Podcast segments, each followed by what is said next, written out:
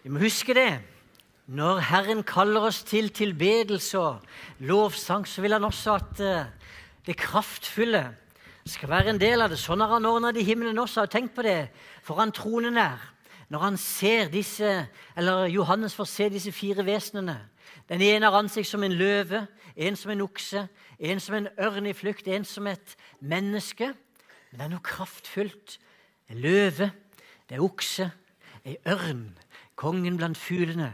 Det er noe kraftfullt når vi lovsynger Gud. Og da bryter det gjennom. Det skal bryte gjennom. Derfor er det så viktig at vi av og til vi må være litt sånn framoverlent og heie på hverandre. Være litt på tuppa. Heve stemmen litt. Det er ikke farlig. Albania-teamet de, de sippa litt vet du, for, fordi de, de hadde en dag uten kofferten sin der. Så jeg sa det når de kom her. Jeg skjønte jeg har gjort inntrykk for alle jeg møter første gang som har vært i Alban. Det er det første de sier. Ja, men kofferten kom ikke fram. Og så mente de at ikke vi ba, men så sa jeg nei. Da ba jeg om at dere skulle bli prøvd, sa jeg. Så Herren hadde en finger med i det. Flott at dere er her. Og Det er flott at vi kan fortsette på serien fra første Korinterbrev. Og jeg må jo lov å si det, både forrige gang og i dag så er det jo det er noen spenstige tekster. Og eh, de fleste forkynnere tror jeg aldri har talt over dem. Men vi må forkynne fylden i Guds ord. Og hvis dere har med Bibelen, så kan dere åpne i 1. Korinterbrev kapittel 7. Og Vi leser gjennom, Det er et langt kapittel, men vi leser gjennom dette kapittelet også i dag. Og minner hverandre om når Bibelen er åpen, så taler Gud. Og når Gud taler, så skjer det noe. Og Vi ber Herre Jesus om at du virkelig skal røre ved oss også i dette møtet. Vi ber Jesus om at du skal åpenbare for oss det ordet som vi nå skal lese. Herre, vi ber om at vi skal få tak i hva som er din gode vilje om det som har med ekteskap, om det som har med skilsmisse, om det som har med gjengift å gjøre. Herre, vi vil ha tak i det som ditt ord lærer. I Jesu Kristi navn. Og jeg ber også denne søndagen, Herre, om at du skal komme spesielt til dem som har det vondt pga. dette, som, som, sliter i sitt ekteskap, som kanskje sitter her og er blitt separert og skilt. og Herre, jeg ber om at du også skal komme med trøst og kjærlighet, gjenopprettelse, til dem som trenger det i Jesu Kristi navn. Amen. 1. Korinterbrev 7. Når det gjelder det dere skrev om, så er det godt for en mann ikke å røre en kvinne. Men for å unngå hor skal hver mann ha sin kone og hver kvinne sin ektemann. Mannen skal oppfylle sin forpliktelse overfor kvinnen, og hun overfor ham. Kvinnen rår ikke over sin kropp, det gjør mannen. På samme måte rår ikke mannen over sin egen kropp, det gjør kvinnen. Dere skal ikke nekte hverandre samliv hvis dere ikke er blitt enige om det for en tid, for å leve i bønn. Kom så sammen igjen for at ikke Satan skal eh, sette avholdenheten deres på prøve. Dette er ment som en tillatelse ikke et påbud. Jeg skulle ønske at alle var som jeg, men enhver har sin egen nådegave fra Gud, den ene slik og den andre slik. Til de ugifte og enkene sier jeg, det er godt for dem om de fortsetter å være som jeg, men dersom de ikke kan være avholdende, må de gifte seg. For det er bedre å gifte seg enn å brenne av begjær. Til de gifte har jeg dette påbudet, ikke fra meg selv, men fra Herren. En kvinne skal ikke skille seg fra mannen sin, men hvis hun likevel skiller seg, skal hun leve ugift eller forlike seg med mannen. Og en mann skal ikke skille seg fra sin kone. Til de andre sier jeg, og dette er mine ord, ikke Herrens, dersom en bror har en kone som ikke er troende, og hun gjerne vil bli hos ham, skal han ikke skille seg fra henne. Og dersom en kvinne har en ikke-troende mann, og han gjerne vil bli hos henne, skal han ikke skille seg fra mannen. For den ikke-troende mannen blir regnet som hellig pga. sin kone, og den ikke-troende kvinnen blir regnet som hellig fordi mannen er en troende bror. Ellers, vil, ellers vil jo barna deres være urene men nå er de hellige. Men hvis den ikke-troende vil skille, så la ham gjøre det.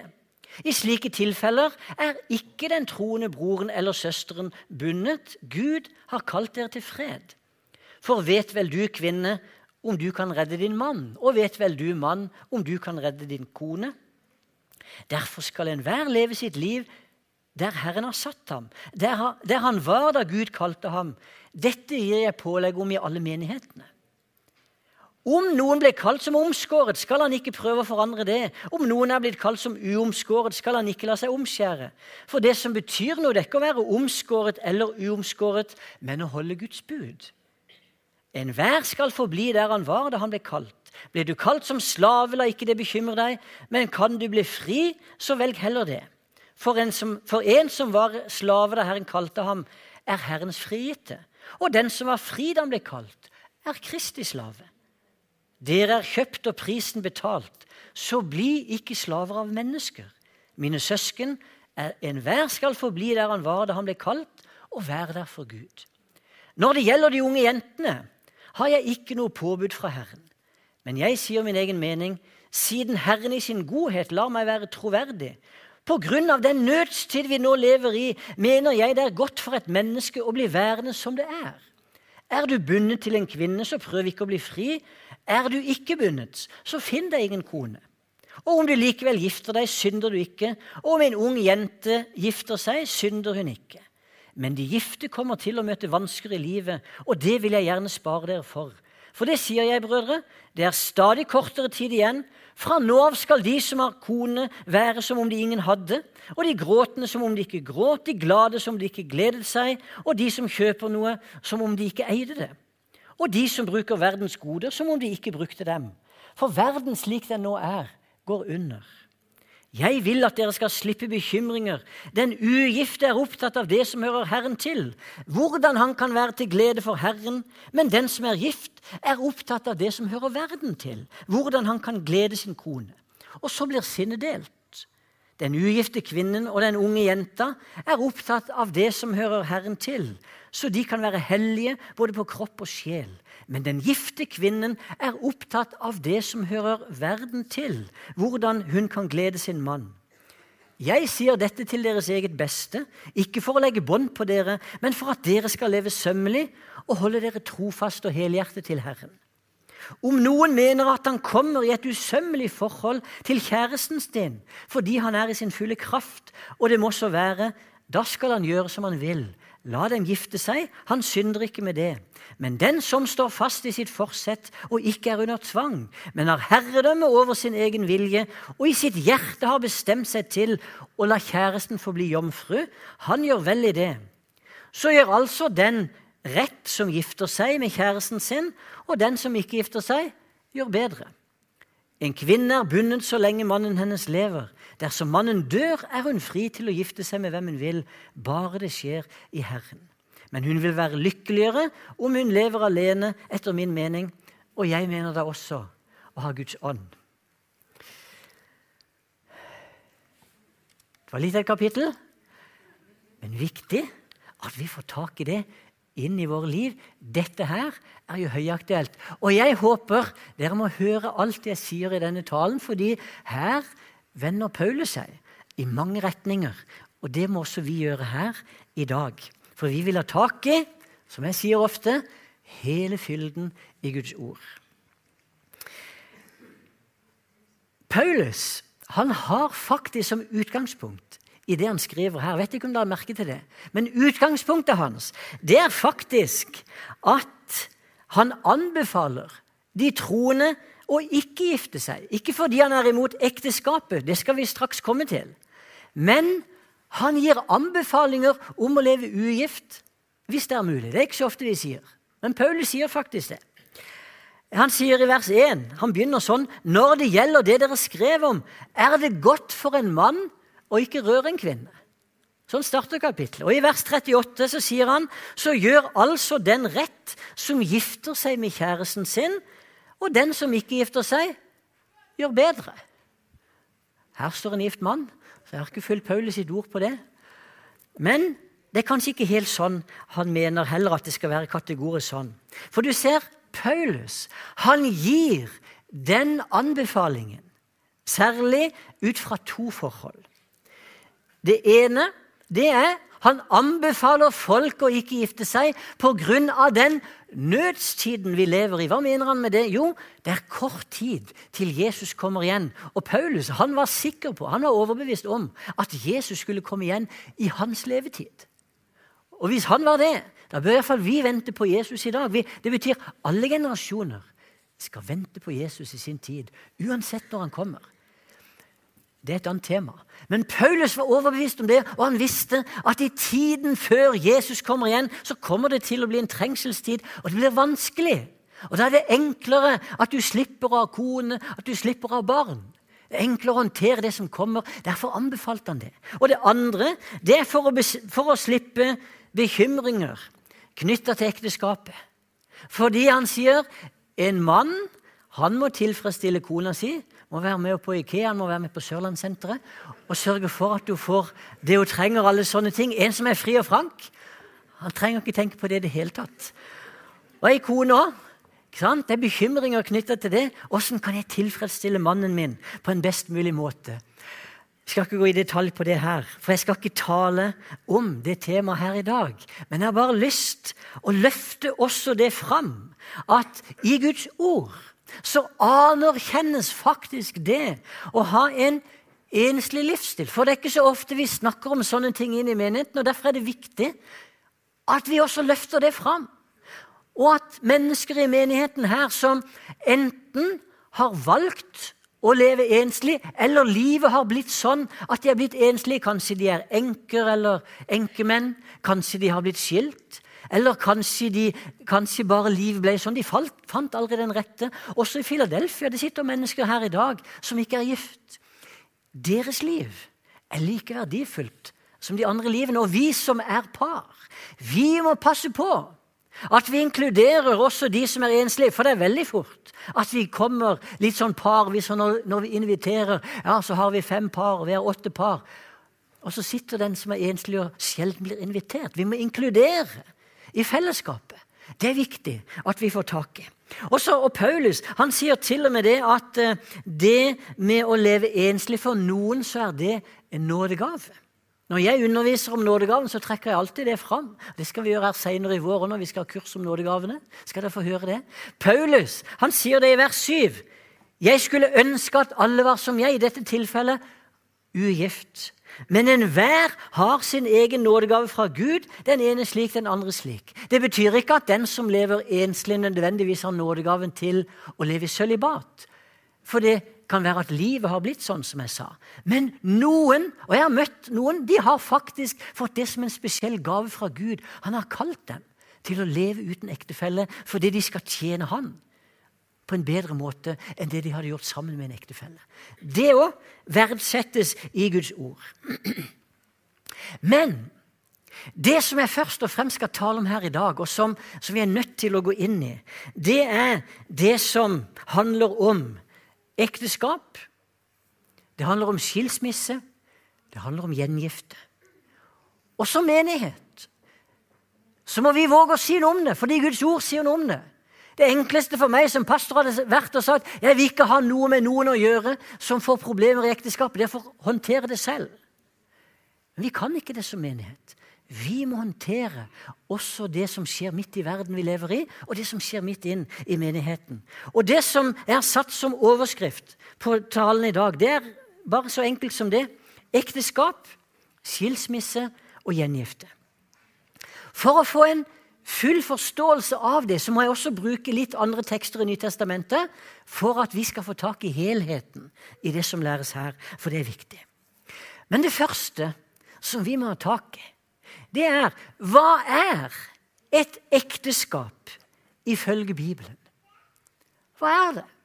Først og fremst så er ekteskapet det er en pakt som inngås mellom to mennesker. Det er ikke en pakt mellom de to menneskene og Gud men det inngås framfor Gud.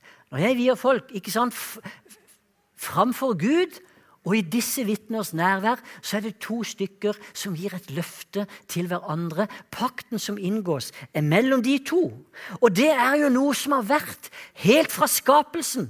Det vet vi. Da Jesus snakka om ekteskapet, så førte han det tilbake helt til første Mosebok den første boka i Bibelen. Har dere ikke lest, sier han, at Skaperen fra begynnelsen av skapte dem som mann og kvinne og sa, derfor skal mannen forlate sin far og sin mor og holde fast ved sin kvinne, og de to skal være én kropp. Så er de ikke lenger to, de er én kropp. Og det hebraiske ordparet der i første Mosebok kapittel 2, som er 'forlate' og holde fast på, holde fast ved, det blir ofte brukt i forbindelse med inngåelse av pakter, fordi når du inngår et ekteskap, du forlater noe for å holde fast ved noe nytt. Og den pakten som inngås mellom de to, den er faktisk viktigere enn det du forlater. For i det hjemmet som vi blir født, så bor vi kanskje 20 år, 25 år. I vår tid har det økt på litt. Ikke sant? Så det var, det de sa. De, ungdommen i dag de ligner Jesus. Ikke sant? For de bor hjemme til de er 30 år, og hver gang de gjør noe, så er det et under.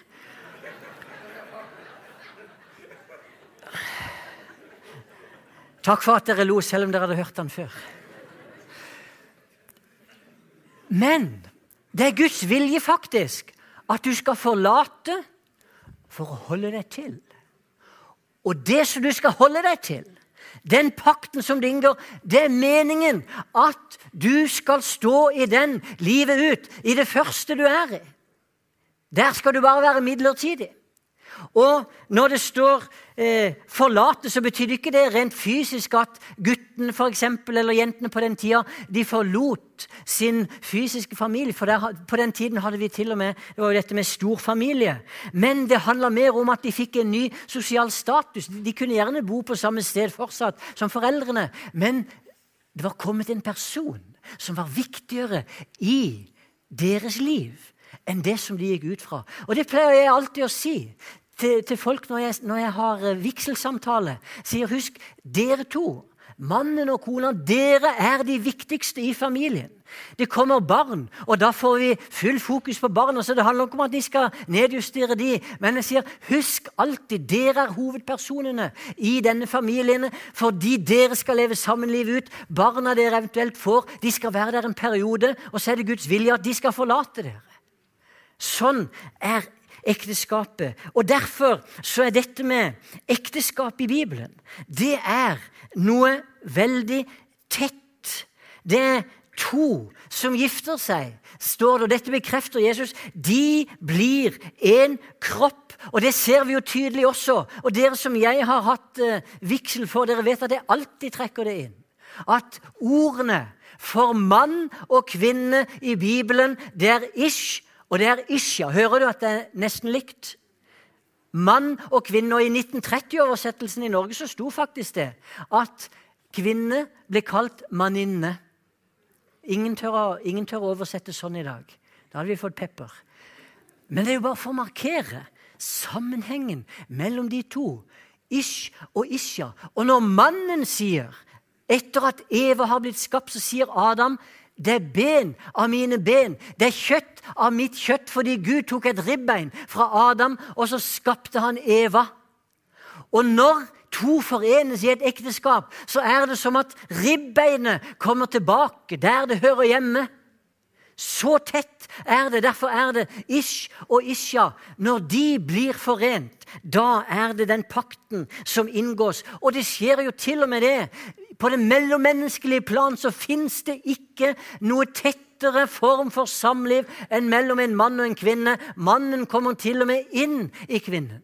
Det eneste, eneste eh, eh, relasjonelle eh, ting som skjer ved at de kommer så tett sammen, med at en kommer inn i den andre, det er eneste muligheten. Og det skjer i ekteskapet.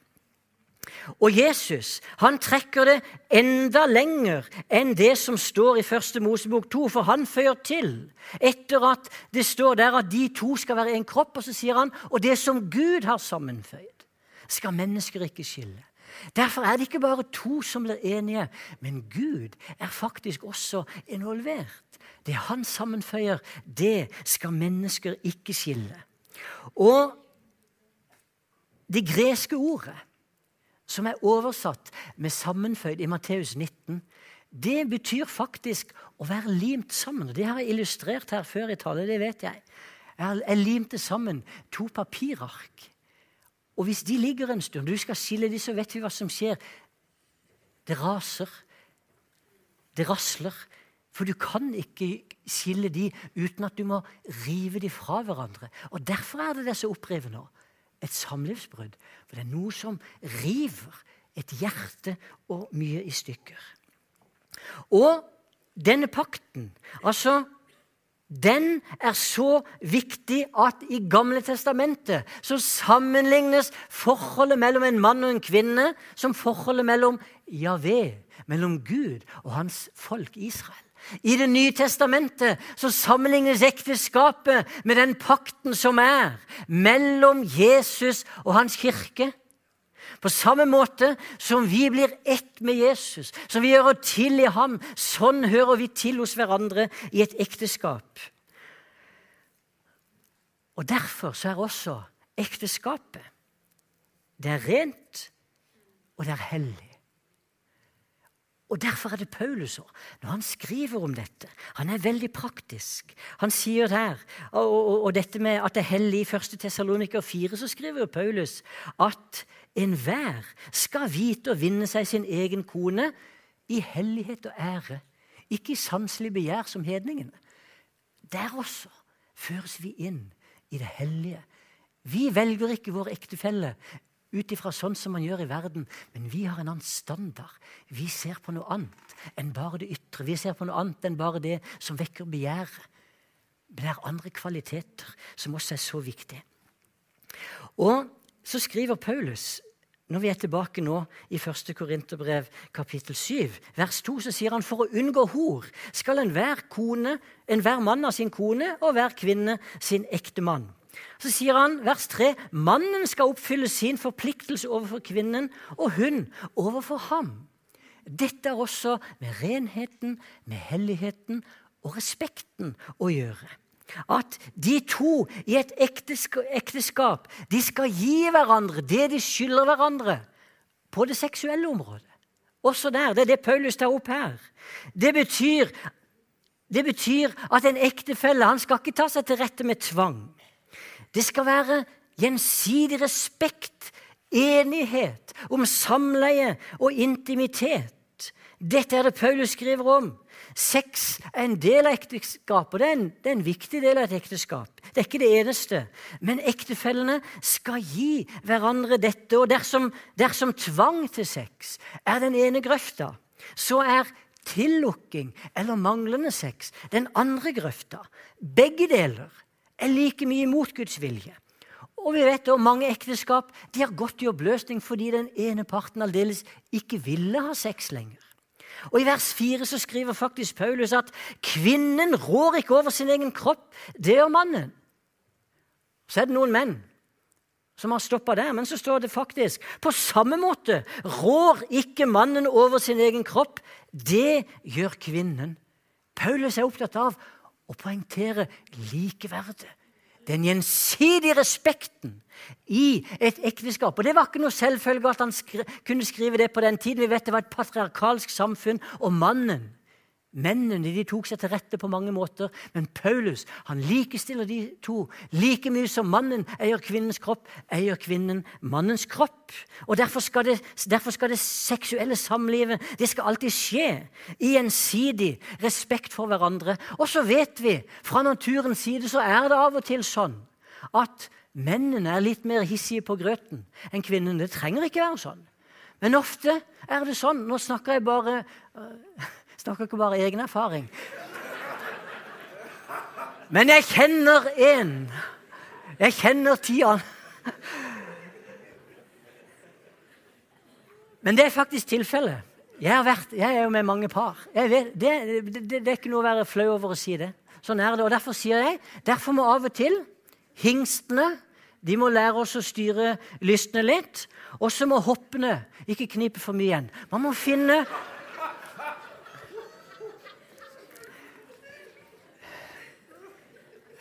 Det var ikke akkurat sånn Paulus skrev, men det er det han mener.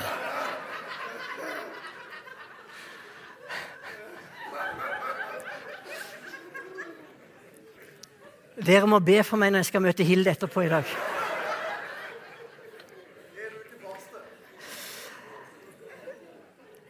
Men Paulus, folkens, så praktisk er Guds ord. Vi kan, vi kan ha litt gøy med det. Vi, skal det. vi må ha litt humor. Men så praktisk er Guds ord. Også inn i dette kommer det veiledning til oss for at vi skal kunne fungere godt sammen. Og så sier han i, i vers 5 da videre dere skal ikke nekte hverandre samliv hvis dere ikke har blitt enige om det for en tid, for å leve i bønn. Kom så sammen igjen for at ikke Satan skal sette avholdenheten deres på prøve. Og her brukes, Han bruker faktisk sterke ord. Han sier mannen og kvinnen de skal ikke frarøve hverandre samliv. De skal ikke plyndre hverandre for samliv. Det er de greske uttrykkene som brukes. Eller de skal ikke bedra hverandre for at de eventuelt skulle ha fritid til bønn. For det kan skje at to kan bli enige om nå skal vi være i faste, kanskje, nå skal vi ha en tid i bønn, og så lever vi avholdende. Men det må være enighet, og ikke for lenge, sier han, sånn at ikke djevelen skal komme med fristelser inn i dette. For du ser, det er ikke fromt i seg selv å ikke ha samleie når du er gift. Men hvis du bruker tiden til bønn og faste så er det noe annet. Men selve det å avstå fra sex, det er jo ikke noe fromt. Det er bare at det er en mulighet hvis du skal gjøre det. Du vet, når jeg leste kirkehistorien jeg studerte teologi, så, så var det noen av pietistene der på 1700-tallet og 1800-tallet. De hadde veldig, veldig, strenge regler, for de skulle aldeles ikke vekke noe begjær i dem. Så da, da ble det skrevet faktisk at når du, hadde, når du hadde sex med kona, så skulle det skje på et mørkt rom. Du skulle ha øya igjen, og så skulle du gjøre det så fort du kunne, og tenke fromme tanker mens du holdt på. Det, det er jo ikke der vi er.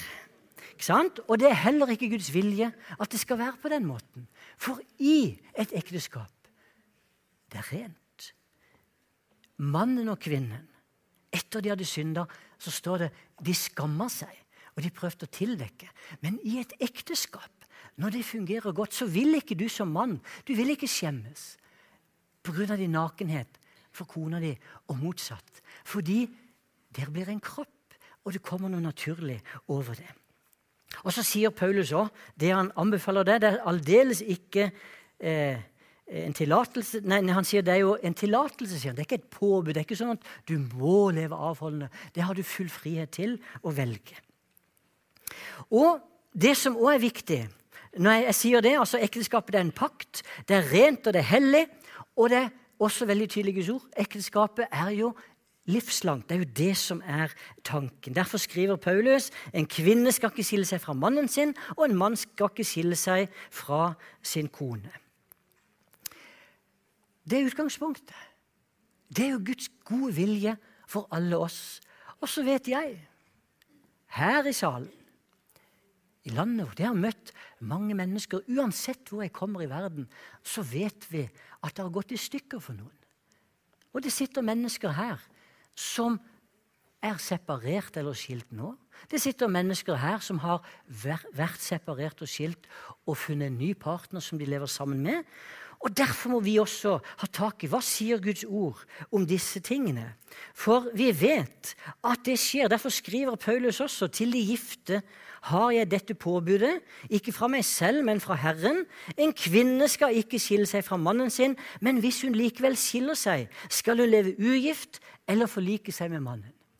Det første jeg må si litt om, det er Det bibelske rådet i utgangspunktet er ved en skilsmisse eller en separasjon bli forsona med ektefellen som de har skilt fra, eller lev ugift. Hvordan hvordan skal vi forholde oss til dette? Hør. Derfor må jeg ha et punkt om det først. Vi må alltid ha som mål som kristne. Og da sier jeg alltid å forsøke å berge et ekteskap.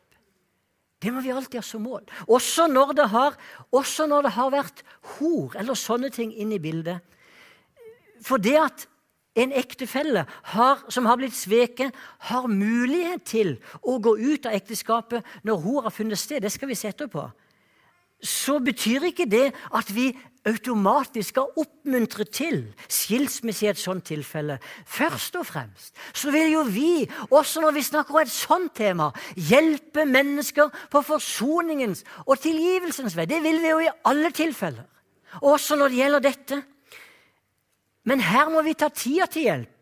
Vi kan ikke vente at en som har blitt sveket og blitt et offer, umiddelbart skal være klar til å ta tilbake en eller ei som har vært utro. Folk må få bruke tida også som de trenger. Og Derfor vil det være feil i noen tilfeller hvis, hvis uh, f.eks.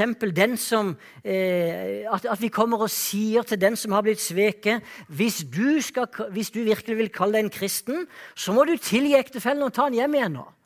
Det kan være feil å si. Å pålegge det før de er klar for det. Og den som har drevet hor, han kan heller ikke kreve at ektefellen skal tilgi han og ta han tilbake, men han kan be om nåde.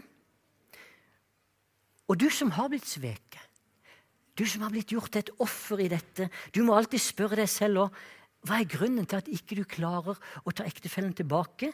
Er det pga. handlingen, eller er det sånn at det er ting i ekteskapet deres som faktisk var så dårlig og elendig at du ønsker å gå tilbake i det ekteskapet? Du må finne ut. Og, og, og, og kanskje har du venta bare på en anledning til at du skal ut av ekteskapet. Og så finner du det når kona di kanskje har drevet hor. Og jeg sier ta aldri radikale avgjørelser når det koker i toppen. Og du som har vært utro mot kona eller mannen din, du kan ikke kreve noe som helst. Du kan ikke kreve at kona di skal ta det tilbake. Hvis hun gjør det, så er det ved Herrens nåde. Har ektefellen din vært utro, så har du faktisk rett til å skille deg og gifte deg på nytt. Det mener jeg er bestemt ut fra Guds ord. Det skal vi se her etterpå. Men det betyr ikke at vi ikke skal arbeide for å bære ekteskapet. Og derfor går jeg alltid inn i det jeg vil. At Gud skal komme med gjenopprettelse. Og den som har vært utro, du kan ikke noe annet. Ikke forsvare deg selv, men legg deg flat og bekjenn din synd. Og så kan vi spørre ja, men hva om du er i en situasjon da? Hvis du har gjort noe dumt, og ektefellen din vil ikke ta deg tilbake. Han klarer bare ikke å ta deg tilbake. Da må du huske på det. Alt er mulig for Gud. Det som er låst i dag, det trenger ikke være låst om et halvt år eller om et år. Og når jeg satt og, og, og forberedte meg til denne søndagen her, og tidligere i uka, så kom det for meg denne teksten om den kanadiske kvinnen i Matteus 15. Det kan høre rart ut å trekke det inn her, for det har ikke noe med det her å gjøre. Men det handler om å være i bønn når alt ser håpløst ut. Det var ei, kvinne der utenfor Israel, og Jesus kom der sammen med disiplene. og Så kommer hun og roper, 'Jesus, miskunn deg over datteren min, for hun ligger syk hjemme.' Og så later Jesus som ikke han hører henne. Han går bare videre fordi han var ennå ikke kommet for å ta seg av noen andre enn de bortkomne sauene i Israels hus. Så han skulle ikke hjelpe de på utsiden av Israel ennå. Det var ikke kall. Men han gikk der, og så fortsatte hun å rope.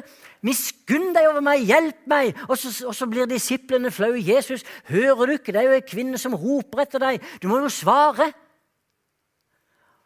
Og så sier Jesus ja, men jeg, jeg, jeg, er ikke kommet til noen andre enn de bortkomne sauene i Israels hus. Og så kommer igjen, så kommer denne dama til han, og så ber hun, og bønn faller Jesus foran han, og fortsatt svarer Jesus. Det er ikke rett å ta brød fra barna og gi det til hundene. Barna var Israels hus, og de andre var hundene.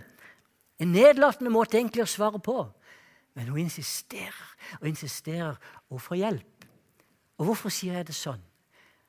Fordi Mennesker kan bli fortvila og tenke ja, men alt håp er ute. For min ektefelle har sagt jeg vil ikke ha noe mer med det å gjøre. Jeg kommer aldri til å ta deg hjem. Ja, det må vi respektere. Men det går an å be.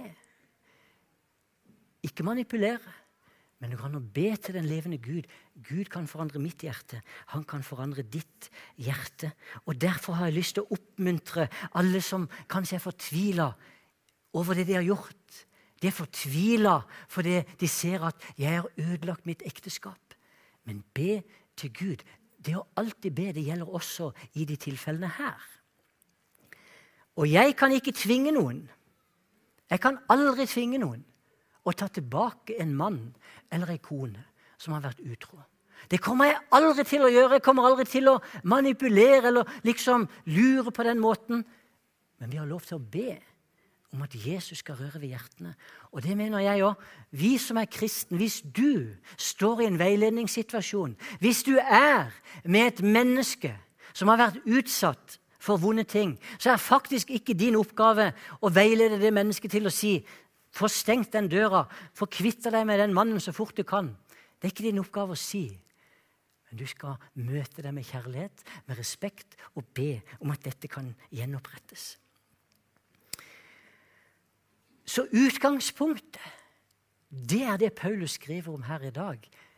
Hvis et ekteskap går i oppløsning, skal alltid utgangspunktet være vi må prøve å gjenopprette. Men så, spør, så må vi også spørre er det sånn at er skilsmisse, er gjengifte, er det galt i absolutt 100 av tilfellene? For hvis Guds ord sier at det er galt, så må vi også si det. Eller er det sånn at eh, det fins muligheter for den som også har tabba seg ut og lidd nederlag? I et sånt spørsmål som dette fins det tilgivelse, fins det mulighet å komme videre i dette. Og i Bibelen så er det tydelig at spesielt to grunner oppgis for å gi en mulighet til både skilsmisse og gjengifte. Nå har ikke jeg god tid til å eh, gå inn på det her. Men jeg, er, har skrevet, jeg, har skrevet, et kompendium om, som heter 'Skilsmisse og gjengifte', der vi forsøker å løfte fram hva Guds ord lærer om det. Hvis noen ikke har fått det, så kan, dere, så kan jeg sende det til dere hvis dere kommer til meg etterpå. For der har Det et kompendium på 16-17 sider som bare omhandler hva Bibelen lærer om skilsmisse og gjengifte. Her må vi nesten bare ta litt av overskriftene. Men det er sånn at i Guds ord så tar Jesus tak i dette i Matteus kapittel 19. Og Utgangspunktet der er at det kommer noen til Jesus som spør har en mann lov til å skille seg fra sin kone av en hvilken som helst grunn. På Jesu tid så var det en ekstremt liberal praksis. Og det var faktisk de som sa, det var fariseer som sa en mann kan skille seg fra sin kone av en hvilken som helst grunn. De kunne bare skrive ut skilsmissebrev. Og Jesus han tar veldig tak i det og sier det kommer helt på villspor. For i svaret som Jesus gir der i Matteus 19, så er han veldig tydelig på Guds vilje er ikke at mennesker skal bli skilt. For det Gud har sammenføyd, skal mennesker ikke skille. Det er alltid Guds vilje å forsøke å få til en gjenopprettelse. Det er også utgangspunktet for Jesus. Men så sier han der også den som skiller seg fra sin kone av noen annen grunn enn hor, og gifter seg med en annen, han begår ekteskapsbrudd. Altså, Jesus trekker inn dette med hor fordi det er så vanskelig følelsesmessig. Vi skal alltid forsøke å gjenopprette det òg. Men det er ikke alltid at det har gått. Og da er det sånn at ekteskap de har gått i oppløsning. Og Barat han òg det må jeg få lov å sitere, fordi jeg skal ha to sitater fra Barat her i dag. Bare sånn at ikke dere tror at det jeg taler her i dag, er tatt fullstendig ut av løse luften. Men jeg forsøker å løfte fram her i min tale i dag det som har vært inn i konservative kristne miljøer forståelsen av disse tingene. Og, og Thomas Ball Barrat, som var opphavsmannen i Norge til pinsebevegelsen, han skriver det i en bok som han faktisk skrev på 1930-tallet, som heter 'Ekteskap, skilsmisse og gjengifte'. Så sier han hvis man gifter seg med en annen kvinne eller mann når ektefellen ikke har bedrevet hor. Da gjør man seg skyldig i hor, påtvungen skilsmisse unntatt. Men hvis hustruen eller mannen har bedrevet hor, og man da går hen og gifter seg, så bedriver man ikke hor av den gode grunn at det første ekteskapet er oppløst. Og det betyr at han da anser at dette da er en tillatt grunn til skilsmisse. Og også at man kan gifte seg på nytt. Jeg kunne sagt mye mer om det, men for hors skyld det er nevnt som en grunn. Det som vi kommer tilbake til her, det er det som Paulus nevner i 1. Korinterbrev 7, der han tar opp en spesiell situasjon i versene 12-16. Det er hvis det er ei kone som lever sammen med en som ikke er kristen, eller det er en mann som lever sammen med en ektefelle som ikke er troende. Da sier Paulus de troende skal ikke ta initiativ til skilsmisse. Men hvis den ikke-troende part tar initiativ, så må du bare la det skje. Og i sånn tilfelle, sier han, er ikke den troende parten bundet. Og så er spørsmålet hva menes med ordet 'bundet' i der? På gresk så betyr det egentlig oversatt da at ikke du er gjort til slave. Du er ikke bundet av dette. Er det sånn at når Paulus i Romerne 7 så snakker han om at en ektefelle er bundet til mannen så lenge han lever? Gifter hun seg på nytt, så begår hun ekteskapsbrudd, men hvis mannen dør, så kan hun gifte seg med en ny en. For da er han død, som hun var bundet til. Er det på samme måte her, når han bruker ordet bundet, at ikke man er bundet? At vi må forstå det på en sånn måte at hvis det er en legitim grunn for skilsmissen, at det er en som da blir forlatt i et ekteskap, og den andre parten aldeles ikke vil leve sammen med deg, kan vi da forstå det på en sånn måte at da er ikke den parten bundet lenger, akkurat som at ektefellen skulle være død? Og at han derfor har mulighet til å gifte seg på nytt. I alle fall Barat han skriver også om det. Viser det seg derimot at den som var årsak til skilsmissen, lever i utukt, de har tatt seg en annen hustru, så er saken klar. Den kristne part er ikke trellbundet i slike ting. Men om det nå ikke kan påvises hor, hvis det viser seg at den vantro vil skilles og definitivt utstøtter den kristne part, da har det, som dr. Pope sier, gjennomgående vært ansett at en slik utstøtelse er like syndig som hor og en gyllen grunn til skilsmisse, altså at skilsmissen gir rett til gjengifte. Oppsummert, det Barat sier i sin bok, det er at for hors skyld, og hvis den ene parten er blitt forlatt, da er det en gyldig grunn også til å bli gift på nytt. Og så kan man spørre ja, men er det sånn at det går an å si at det fins gyldige grunner til skilsmisse, men at ikke vi kan gi gyldige grunner til gjengifte. Da må vi tenke inn i den jødiske kulturen, i kulturene rundt der som, som, de levde på den tiden, så var det en selvfølge at hvis du hadde en gyldig skilsmissegrunn, da hadde du også rett til å gifte deg på nytt. Og i de jødiske skilsmissepapirene så sto det i de skilsmissebrevene som kvinnene fikk av mennene Du er nå fri til å gifte deg med hvilken som helst mann. Fordi hvis skilsmissen var gyldig og anerkjent. Og så må vi også spørre ja, fins det andre berettigede grunner for skilsmisse og gjengifte enn de som er nevnt sånn spesielt uttrykkelig, med hor, det å bli forlatt. Og det er klart, jeg tror, hvis du tenker hva er hor, hvis vi skal tenke det i vid forstand, er det, det er enkelt å si jo en mann eller en kvinne går og ligger med en annen enn ektefellen.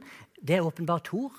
Hva om det da er ei dame som har blitt slått helseløs, som har blitt plaga gjennom lang tid, og det er en fare for hennes liv, det er en fare for barnas liv. Er det da synd å ta henne ut av det ekteskapet, eller kan det noen ganger også faktisk være Guds vilje fordi det er utholdelig i et sånt ekteskap?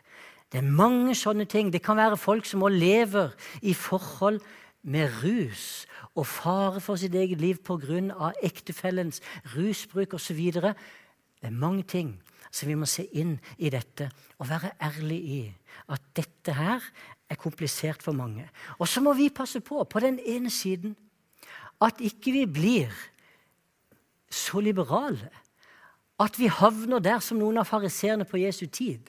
For de sa kan en mann skille seg fra sin kone av en hvilken som helst grunn? I vår tid så står vi i fare for å havne der, men det legger ikke Guds ord til. Da følger vi ikke Guds ord hvis vi bare lar det skure og gå, og at vi godtar alt. Vi må få tak i hva som har skjedd, og se Guds ord. Og den andre grøfta, det er at vi blir strengere enn det Guds ord legger opp til. Og det er like galt med tanke på å være bibeltro.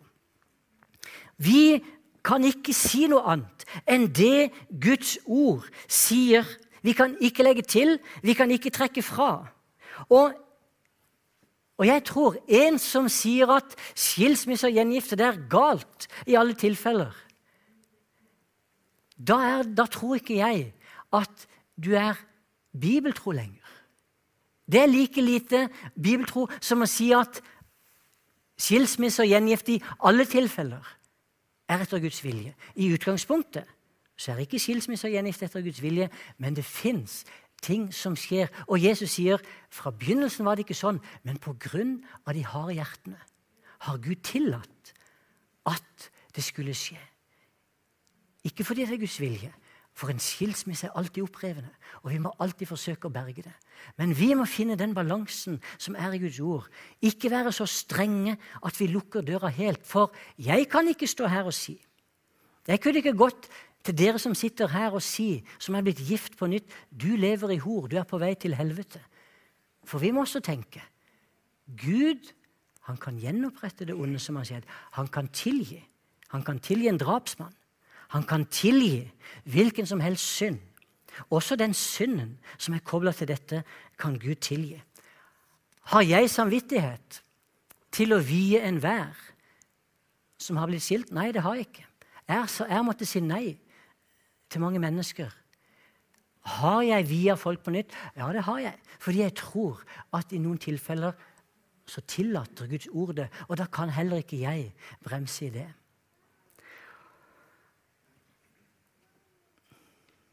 Alle som har tabba seg ut og forårsaka en skilsmisse, de vet hvor tungt det kan være.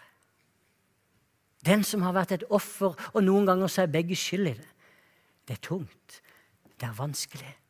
Og vi som menighet vi må passe på at ikke vi kommer med den fordømmende pekefingeren spesielt til dem, men at vi må finne en vei. Åssen kan vi hjelpe dem på den rette veien? Åssen kan dere som i dag er i en situasjon der dere har blitt separert eller skilt, og dere er ikke sammen med noen ny Jeg har lyst til å utfordre dere. Søk Herren. Kan det finnes en vei tilbake til den ektefellen som du ble brudd med? Kan det finnes en vei tilbake? Eller kan det finnes en vei for deg til å leve ugift? Dette er det Paulus spør om, eller dette han trekker fram. Og jeg har lyst til å si til oss som menighet la oss, la oss finne en vei sammen i dette som gjør at mennesker som har trådt feil også på dette området, kan kjenne at de er inkludert i menigheten, at de kan ta et steg videre. Og så må vi være klar over konsekvensen. Som pastor så kan ikke jeg si nei kategorisk til en som har vært gift før og samtidig si jo, men eh, du har bare vært samboer. Kanskje han har to samboerforhold bak seg. Og så vier jeg han. Har du ligget Faktisk, i den teksten som vi hadde for to uker siden, så, sier, så skriver Paulus altså det, det, uttrykket som Paulus bruker i 1. Korinterbrev 6, når han sier at eh, i, i, i, kapittel 6 og vers eh, vers 16 så sier han Vet dere ikke at når noen holder seg til en hore, blir de en kropp? Altså det å ligge sammen med ei eller en som kjærestepar, som samboer, som ugift, da har du allerede blitt en kropp. Det var ikke meningen, det var ikke Guds vilje, for det skjedde utenfor ekteskapet. Men du har allerede trådt inn i noe der. Og det betyr, hvis jeg skulle trekke det langt, så kunne ikke jeg vie noen som har ligget med ei dame eller en mann, før jeg møter dem med den partneren. Er dere med? For det samme uttrykket brukes. At de to blir, de blir en kropp.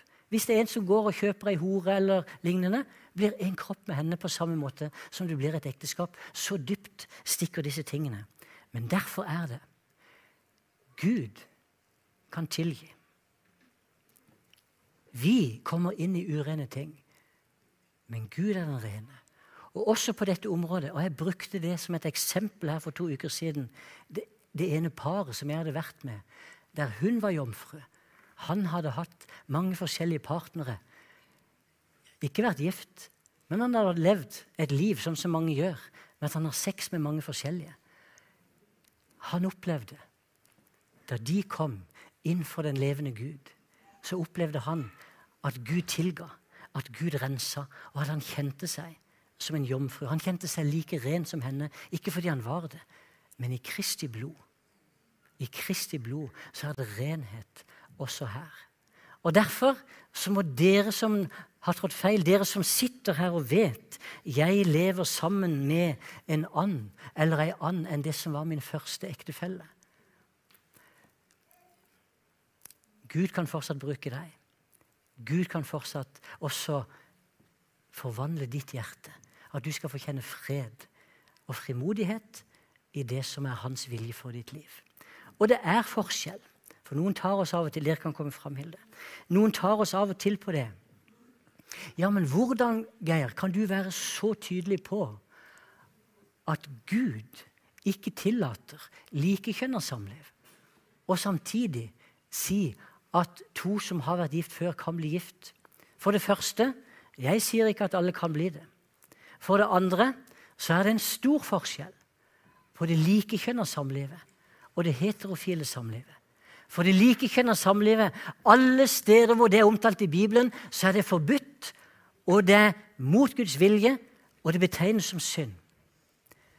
Når det gjelder skilsmisse og gjengifte, der finnes det faktisk det finnes regler, det fins bud i Bibelen som regulerte dette. Dette var jo det Moses fikk. Og så skjerper, det, så skjerper Jesus det inn.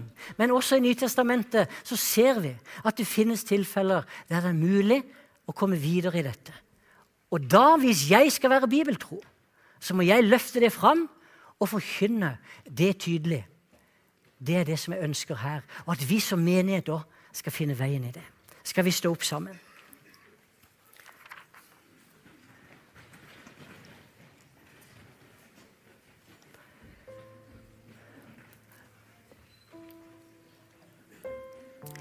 Vi skal, være, vi skal være litt i bønn før vi går inn og spiser.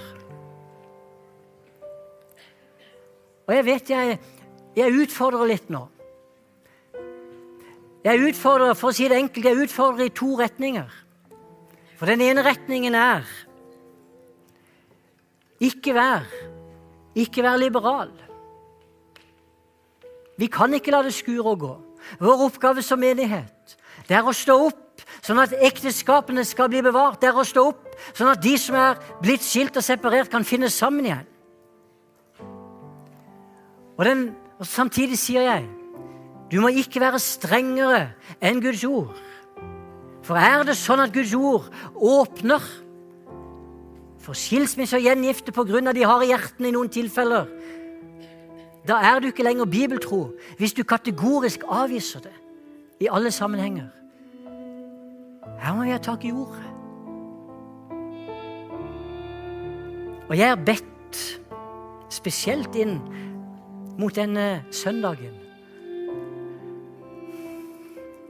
at parene iblant oss, som enten sliter i ekteskapene sine og syns det er krevende, eller de som allerede har blitt separert, gått fra hverandre, at de skal finne sammen igjen.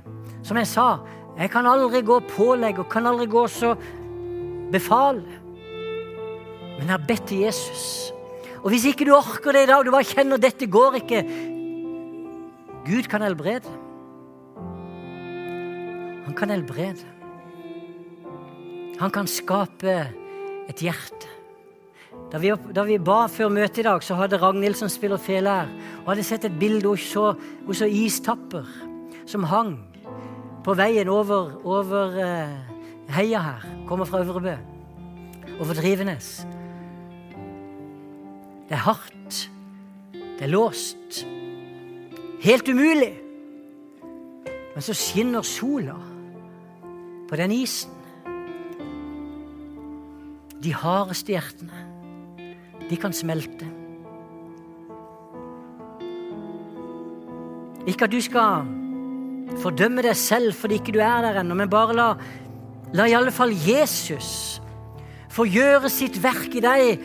Og det skulle jeg ønske alle som er her i dag, kunne si Jesus, la din vilje skje med meg og mitt ekteskap. Jeg skulle ønske alle kunne be den bønnen. For Jesu vilje, den er uansett god. Og derfor ber vi om det, Jesus. Når vi skal synge her nå, så ber jeg om at du virker på hjertene våre. Og spesielt på dem, Jesus, som kanskje kjenner det. At det er blitt hardt. Det det er så vondt. Det er så smertefullt. Og de klarer ikke Jesus. De klarer ikke å, å tilgi. De klarer ikke å slippe det. Og takk for at du ikke fordømmer dem, men at du bare lar dine solstråler denne søndagen bare skinne på oss alle. For vi trenger din nåde. Jesu navn skal vi synge.